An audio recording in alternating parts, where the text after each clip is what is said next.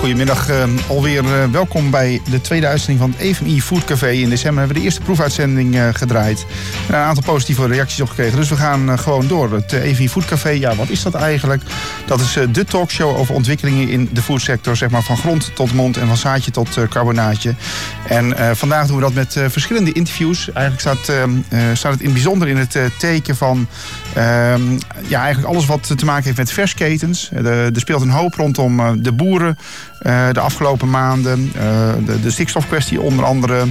Uh, misschien is er wel te veel vee in, in Nederland. In ieder geval zullen de boeren extra moeten investeren. En de vraag is natuurlijk uiteindelijk wie gaat het allemaal betalen. Daar gaan we het onder andere vandaag over hebben. Maar we beginnen zoals altijd eerst met het rondje langs de veld. En dat doen we met de hoofdredacteur van, van Distrifood. En dat is Peter Gastenveld. En die weet eigenlijk altijd alles wat er speelt in, in de branche.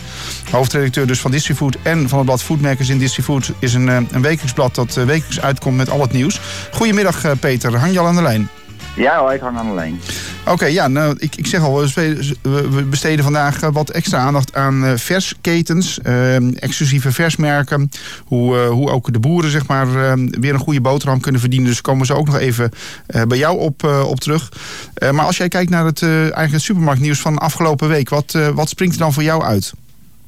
Nou ja, wat, wat ik zelf heel uh, leuk vond is dat uh, niet vrijdag, maar vrijdag een week daarvoor was ik in uh, Blijswijk bij de opening van de nieuwe DC van Hoogvliet. En Hoogvliet is een keten met 70 supermarkten. En die zetten nu een DC neer voor 140 supermarkten. En de eigenaar Leen Hoogvliet, zelf 80 jaar, bouwt het voor de nieuwe generatie, zegt hij. Ja, en het feit dat jij zegt van ja, het kan 140 supermarkten aan, dat ja, je bouwt alleen maar een groter huis met veel slaapkamers als er ook kinderen in moeten, hè, zou je zeggen. Het, ja, het is, het is echt een strategische zet, uh, zet op het uh, schaakspel van, uh, van voet in Nederland. Hè. Dus het Hoofdlied wil gewoon overeind blijven. En, ehm, maar goed, als, als je nu 70 supermarkten kunt beleveren vanuit de bestaande DC-structuur... en ze bouwen er eentje voor 140... Ehm, denk je dan dat Hoofdlied actief op overnamepad gaat? Ik denk wel dat ze heel alert zijn. En, en dat ze inderdaad een rol willen spelen in, uh, als er een aantal superunieleden, dus de, de, de kleine regionale ketens te koop komen, dat, uh, dat Hoogvliet daar uh, wel een rol in wil spelen. Dat hoeft niet door de hele keten over te nemen, maar ze kunnen natuurlijk een aantal winkels overnemen. Ja, het zou natuurlijk ook kunnen dat Jumbo, hè, Jumbo is al, al jarenlang op overnamejacht, heeft onder andere Super de Boer C1000 en MT overgenomen. Dat hij nog een paar andere ketens overnemen, maar dat ze natuurlijk niet al die winkels uh, uh, kunnen omzetten naar Jumbo. Uh, en dan vallen er wellicht ook wat, wat interessante winkels af voor Hoogvliet, zou je kunnen zeggen. Ja, en Hoogvliet heeft ook gezegd van met dit DC hebben ze dus de laagste kosten per collie, dus per verpakkingseenheid die door het DC gaat. En aangezien dit toch ook een kostenconcurrentie is, uh, ja, hebben ze zich heel goed uh, voorgesorteerd. Ja, je bent bij de opening van DC geweest. Um, ja. Wat is er zo bijzonder aan het DC? Want ik kan me van Hoogvliet in het verleden herinneren dat, uh, dat Leen Hoogvliet zelf ooit met het bakkensysteem was gekomen. Dus dat, ja. dat er een, een, een, soort laadbak werd achtergelaten bij de supermarkt. En die kon dan heel makkelijk, die was dan eigenlijk ook op volgorde van ehm, de winkel al gesorteerd. Ehm, hebben ze nu ook weer iets unieks gedaan?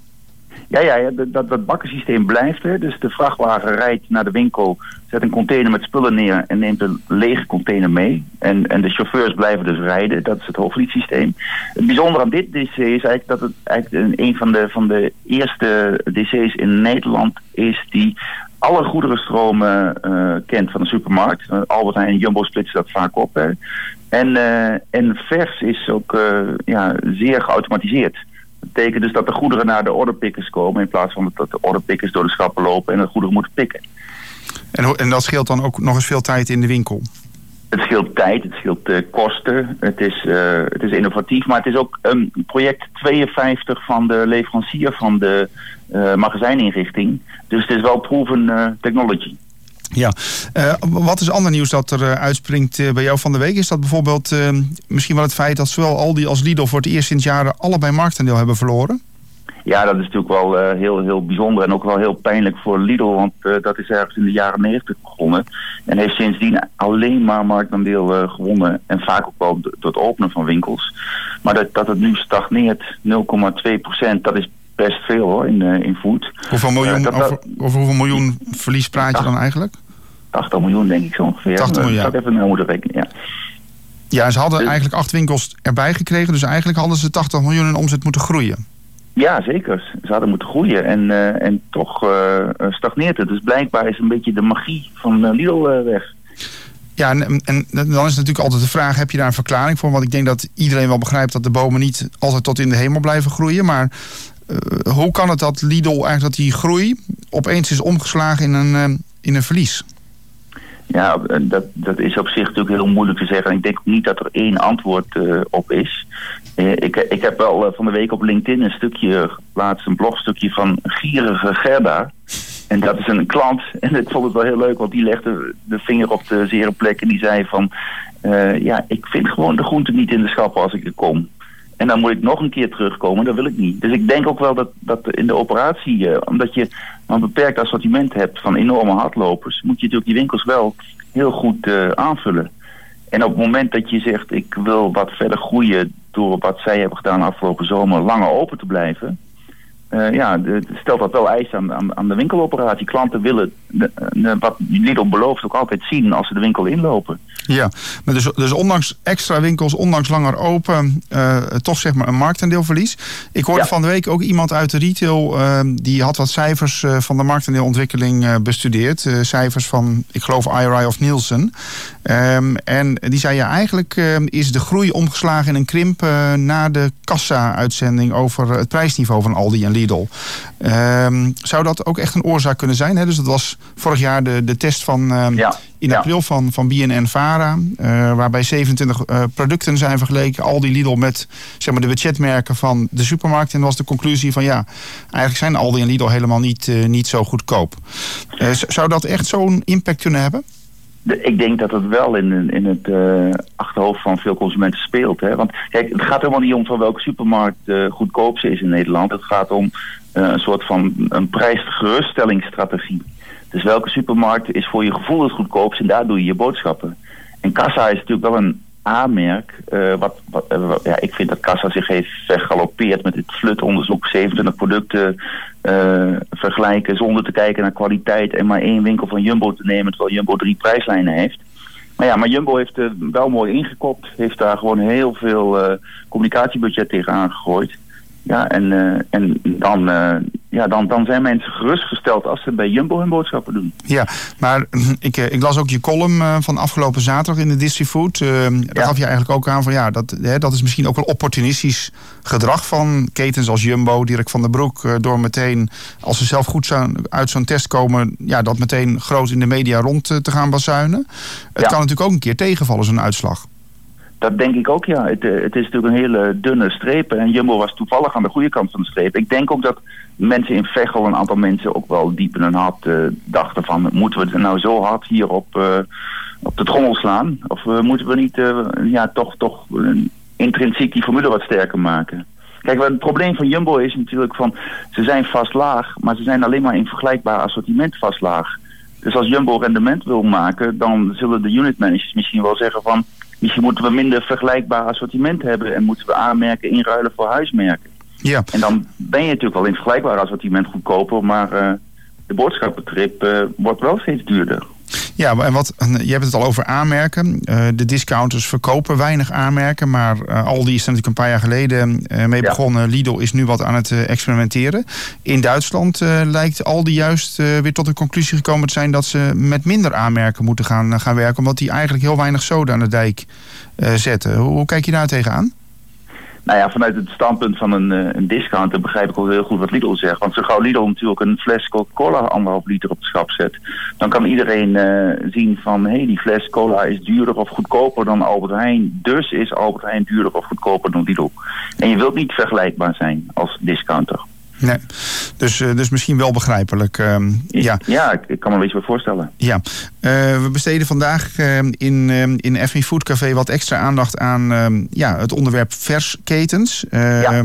ja, er, is, er is natuurlijk een hoop te doen, zeg maar. Eigenlijk het laatste half jaar veel protesterende boeren. Boeren die soms ook steen en been klagen. Dat ze zeggen, ja, ik krijg maar nog wat een dubbeltje voor de komkommer. En in, in de supermarkt ligt die voor 60 of 70 cent. Dat klopt allemaal niet. Ehm, dus, dus vaak krijgen ook de supermarkten een beetje de schuld. Dat ze ja, de boeren eigenlijk te veel onder druk zouden, zouden zetten. hoe kijk jij tegen dat onderwerp aan?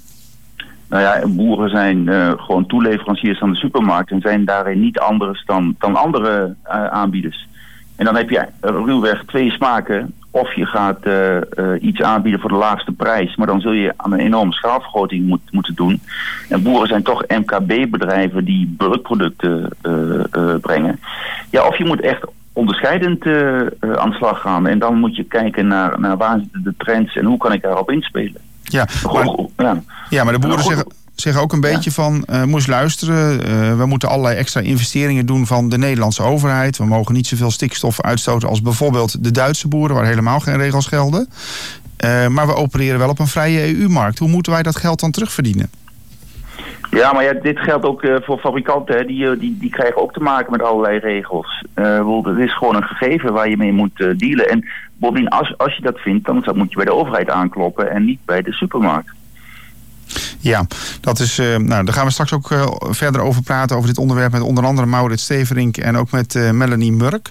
Mm. Maar jij, jij gaf zelf ook laatst aan dat je ziet bij Hoogvliet ook wel wat interessante voorbeelden van wat meer streekgerichte producten. Om op die manier toch die meerwaarde ook betaald te krijgen. Ja, ik, ik, ik sprak met Rutger van der Bout, de commercieel directeur. En die zegt een, een tien jaar geleden zijn we naar de. Kijk, Hoogvliet zit in het groene had. De schoolvliet is naar een aantal boeren in het Groene Hart gegaan. En, en dat was in het begin best wel uh, lastig, zei hij. Omdat die boeren denken, wat, moet die keten hier? Maar uh, uiteindelijk heeft uh, Hoogvliet een, een, een eigen merkrange onder de naam Streek in de winkels. En ze hebben een stichting opgericht die de, de logistiek van en naar de DC's van Hoogvliet doet, van, rechtstreeks vanaf de boeren. En dit soort producten, uh, ja, dat is niet, uh, dat, dat is echte kannenmelk. Dat is niet aangezuurde melk of, of uh, dus het zijn echte boerenproducten met meerwaarde.